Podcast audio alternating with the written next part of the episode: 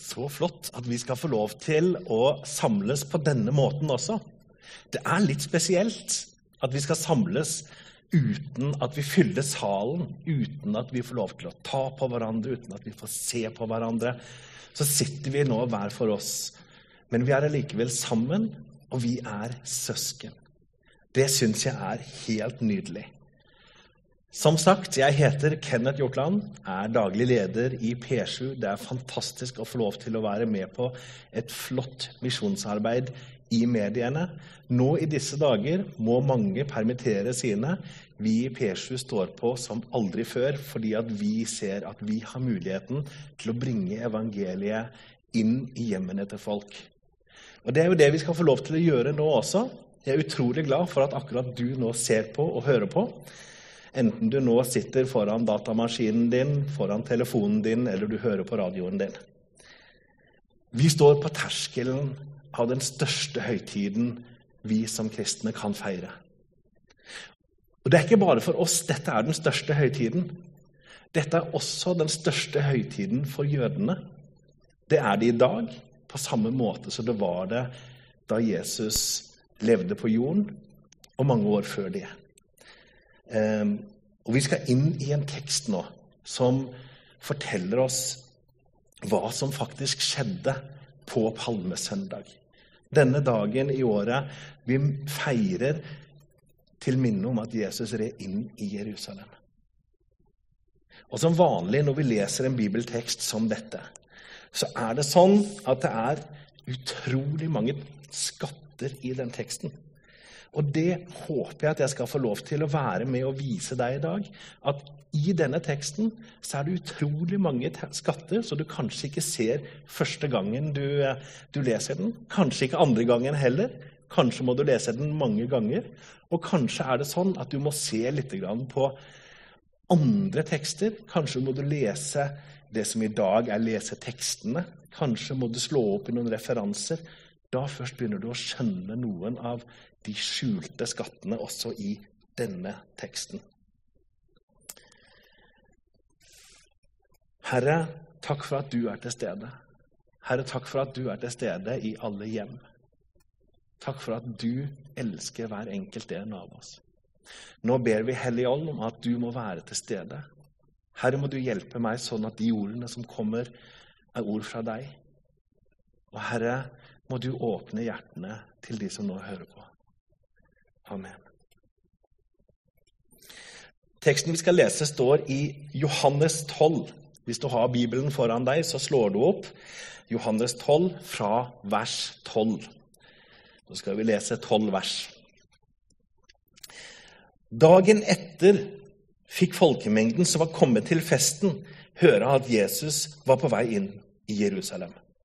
Da tok de palmegreiner og gikk ut for å møte han, og de ropte, Hosianna, velsignet være Han som kommer i Herrens navn, Israels konge. Jesus fant et esel og satte seg opp på det, slik det står skrevet. Vær ikke redd, datter Sion. Se, din konge kommer, ridende på en eselfole. Dette skjønte ikke disiplene med det samme, men da Jesus var blitt herliggjort, husket de dette som sto skrevet om ham, og at folket hadde hilst ham slik. Alle de som hadde vært til stede da han kalte Lasarus ut av graven og vekket ham opp fra de døde, vitnet om det. Det var også derfor folk dro ut for å møte ham, for de fikk høre at han hadde gjort dette tegnet. Fariseerne sa da til hverandre.: Der ser dere at ingenting nytter. All verden løper etter ham. Det var noen grekere blant dem som var kommet for å tilbe under høytiden. De gikk til Philip, som var fra Betzaida i Galilea, og sa, 'Herre, vi vil gjerne se Jesus.' Philip gikk og fortalte det til Andreas, og sammen gikk de og sa det til Jesus. Og Jesus svarte, Timen er kommet da menneskesønnen skal bli herliggjort. Sannelig, sannelig, jeg sier dere, hvis ikke hvetekornet faller i jorden og dør, blir det bare det ene koret. Men hvis det dør, bærer det rik frukt. Herre, hellig oss i sannheten. Ditt ord er sannhet. Jerusalem var altså fylt av folk. Det var fest. På mange måter som 17. mai her i Norge. Den store folkefesten. Folk kom fra fjern og nær og samlet seg i Jerusalem. De skulle feire. De skulle feire noe som hadde skjedd 1300 år tidligere, nemlig utgangen fra Egypt. Israelsfolket hadde levd i Egypt i 400 år som slaver under egypterne. Og denne dagen feiret de altså til minne om det som skjedde den dagen de fikk lov til å reise ut av fangenskapet og bli satt fri. De feiret at Gud ga dem friheten på den måten at alle som tok sin tilflukt bak lammet, blodet av et lyteløst lam, et helt feilfritt lam som de ofret, strøk blodet på dørstokkene, og så var de inne i huset. Alle som var inne i skjul bak dette blodet, de ble berget da Gud sendte dødsengelen gjennom landet. Det er helt klare paralleller til det Jesus skal gjøre, og det skjønner du. Ta deg tid. I dag har du tid, så sett deg ned, og så slår du opp i, i andre Mosebok, kapittel 12, vers 12, så leser du det som skjedde. Vi leste i teksten at mange av festdeltakerne i Jerusalem de hadde hørt om Jesus.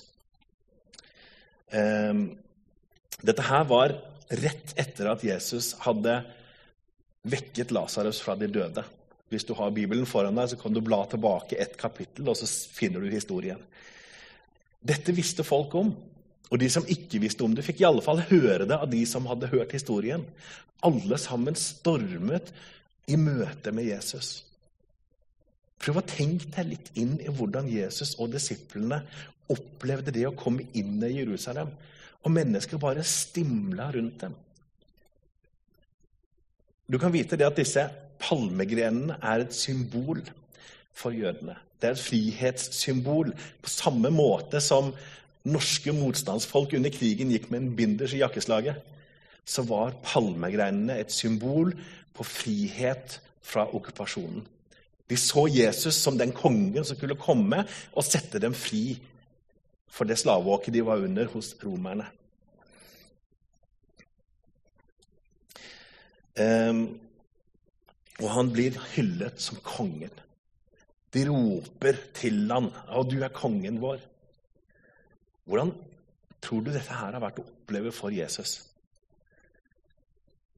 For Jesus kjenner jo historien. Han er jo den som vet hva som skal skje.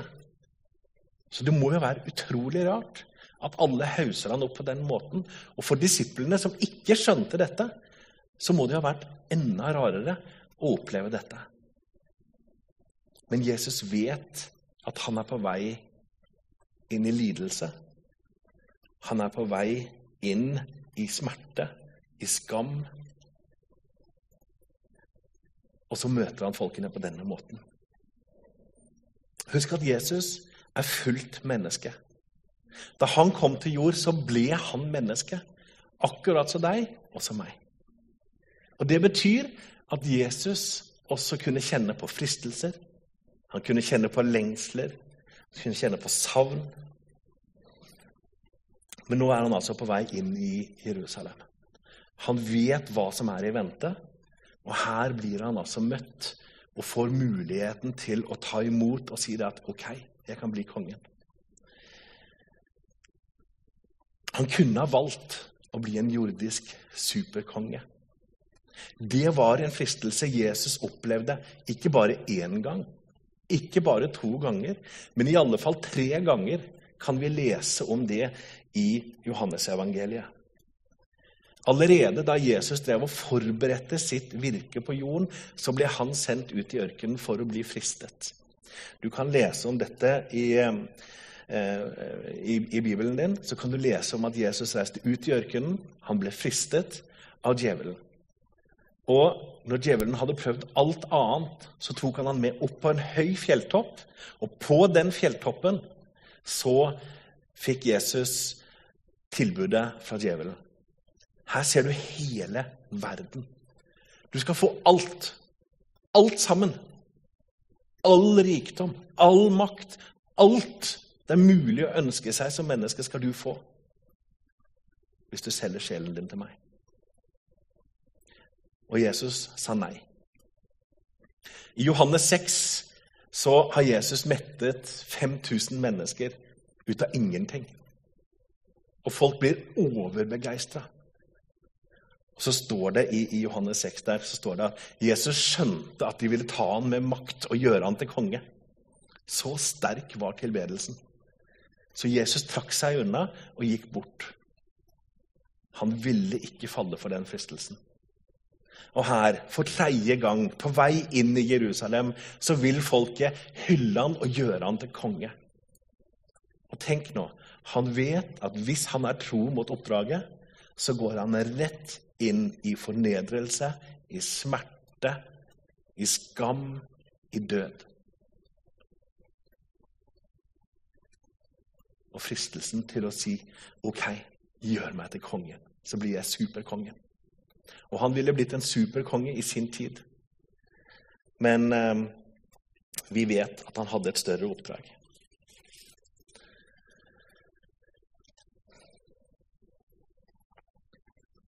Det er noe med det tretallet. Har du tenkt på det? Tre ganger fikk Jesus den fristelsen. Noen få dager senere så vet vi at Peter fornekter Jesus tre ganger. En stund etter det igjen så møter Jesus Peter, og Jesus får lov til å bekrefte at han elsker Jesus tre ganger. 33 år gamle Jesus skal snart stå opp av graven på den tredje dag. Tretallet dere, det er utrolig spesielt. Det er nevnt i Bibelen 467 ganger. Det er utrolig spesielt. Og jeg er ikke en tilfeldighet at Jesus møter denne besnærende fristelsen tre ganger. Det er ingen tilfeldighet i Bibelen.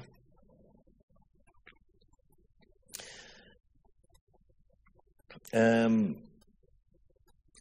fristelsen til å bli konge er det ene. Fristelsen til å unngå smerten og fornedrelsen er det andre. Og Vi leser bare noen få dager senere. Skal vi foregripe en av tekstene som kommer eh, litt senere i uka. Men vi leser noen få dager senere så kan vi lese fra Matteus 26, tre vers der fra 51.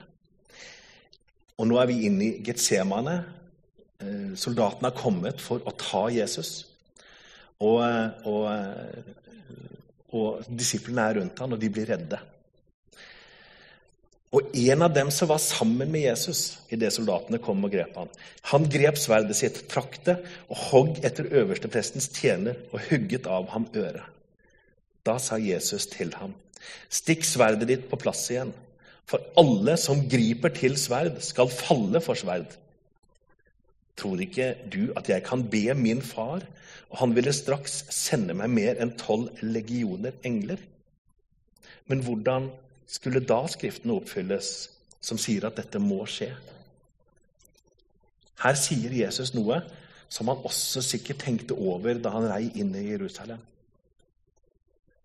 Et ord til Gud, og Gud ville sende tusenvis av engler for å beskytte Jesus, for å opphøye Jesus, for å gi Jesus fri fra dette. Jesus visste det var hans frie vilje å gå. Han visste at han når som helst kunne si at 'dette klarer jeg ikke'. Men han var trofast. Vi skal komme litt tilbake til det helt på slutten. Men nå har han altså kommet inn i Jerusalem. Og der står det noe i denne teksten som jeg har klødd meg litt i huet over. Jeg tror jeg har fått litt lys over det, og det har jeg lyst til å dele litt med deg nå. Det er en nokså dramatisk tekst. Og inni denne teksten så tar Johannes seg tid til å fortelle om noen utlendinger som har lyst til å møte Jesus. Hvorfor i all verden syns Johannes det var så viktig at han tok det med i denne teksten. Og så sier Jesus noe i møte med disse grekerne som jeg syns er litt spesielt. Idet grekerne kommer til Jesus, så sier Jesus timen er kommet. Hvis du har lest evangeliene, så vet du at Jesus sier det skjer snart. Nå er det like før. Det sier han flere ganger. Men her, idet grekerne kommer, så sier Jesus timen er kommet. Hva er det Johannes fikk åpenbart som gjorde at han tok denne teksten med? Her kommer det altså noen menn fra Hellas til Jerusalem for å tilbe. Det forteller oss noe, for det forteller oss at de er såkalte proselytter. Altså hedninger, eller ikke-jøder, for å si det med et enkelt språk, som har konvertert til jødedommen. Og fordi at de har konvertert til jødedommen, så ønsker de å være med på denne festen. Nå møter de Jesus. Og da først ser Jesus at timen er kommet. En nærliggende tolkning som jeg syns er litt god, er at her møter Jesus mennesker fra verden, ikke bare jødene. For Jesus kom ikke for å frelse bare jødene. Han kom for å frelse hele verden. Det er det som vi ser her. Så dette er altså Jesu budskap. At når grekerne kommer og vil se Jesus, da er timen kommet. For da kan Jesus gå inn og frelse ikke bare jødene, men alle i hele verden. Dette, hvis du leser i apostelgjerningene 10, så kan du lese om et syn Peter fikk, hvor Gud bekrefter at det er akkurat sånn det er. At Gud, at Jesus kom til jord for å frelse alle mennesker, ikke bare jødene.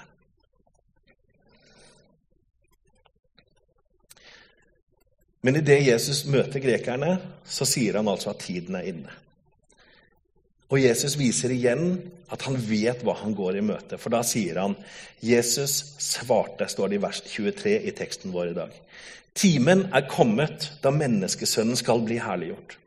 Sannelig, sannelig, jeg sier dere, hvis ikke hvetekornet faller til jorden og dør, blir det bare det ene kornet. Men hvis det dør, bærer det rik frukt. Her, dere, her får vi nøkkelen til hvorfor Jesus kan avvise fristelsene om rikdom, om instant kongedømme, om makt. For hans oppdrag er så mye større. Et hvetekorn skal man ikke kimse av, for det er næring i det. Men hvis det faller til jorden og dør, så får du mangfold av hvete. Er det ikke litt rart at Gud har lagd hele verden på den måten? Slik hele verden er bygd opp fra skapelsen av. Ting må dø før det kan spire til nytt liv. Hvis et eple faller fra treet på bakken, så kan det bli til et nytt epletre. Når frøet faller i jorden og dør, så blir det til mye mer. Hvis du noensinne har planta poteter, så vet du noe om, om, hvordan dette her fungerer. Du setter noen settepoteter, og så går du og plukker poteter i årevis etterpå. Um, og den planen som Jesus nå er i ferd med å fullføre Vi er på vei inn i historiens klimaks. dere. Den planen la Gud allerede da Adam og Eva falt i synd. Har du tenkt over det? Hvis du leser teksten i første Mosebok når Adam og Eva er ulydige mot Gud, hva er det første Gud gjør? Har du tenkt på det? Han krever et blodsoffer. Adam og Eva var nakne, og de skammet seg ikke. Idet de syndet, så slaktet Gud et dyr. Av skinnet til dyret så fikk de klær. Men det første blodsofferet kom med den første synden. Nå er Jesus kommet til jord for å gi oss det ultimate blodsofferet. Israelsfolket gikk ut av Egypt i skjul bak et blodsoffer. Vi får frelsen ved det blodsofferet Jesus gjør. Jesus hadde sin frie vilje. Han hadde sin menneskelige natur. På tross av den så var han trofast. Gjennom fornedrelsen, gjennom smerten, gjennom spotten. Og ikke nok med det, han var trofast også når han ble forlatt av Gud. Om noen dager så skal du lese langfredagsteksten om når Jesus blir korsfestet, og han sier, 'Min Gud, min Gud, hvorfor har du forlatt meg?' Og du som hører meg nå, vet du at Jesus gjorde dette for deg? Det var for deg. At Jesus sa seg villig til å oppgi et kongerike på jord han sa seg villig til å gi fra seg kongeriket i himmelen for å komme til jord. Han lot seg bli født som et fattig barn i enkle kår.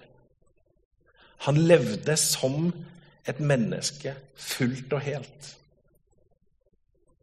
Og gjorde det til Guds ære, for han visste at du kom aldri til å kunne klare det. Han gjorde det for deg. På den tredje dagen så står Jesus opp av graven. Døden kunne ikke holde han. Han hadde ikke gitt etter for noen av de mange fristelsene han var blitt utsatt for. Og dermed åpnet han veien fra døden til livet for deg. Du og jeg, vi klarer ikke å stå imot så mange av de fristelsene vi møter. Vi står imot noen. Forhåpentligvis står vi imot mange. Men eh, vi må se det i øynene. Du og jeg, vi er syndere. Gud tåler ikke synd. Gud trenger et blodsoffer for å bygge en bro mellom meg og Gud. Mellom deg og Gud. Og Jesus var trofast. Og fordi Jesus så deg, så var han trofast. Han motsto enhver fristelse, for han hadde deg i mente.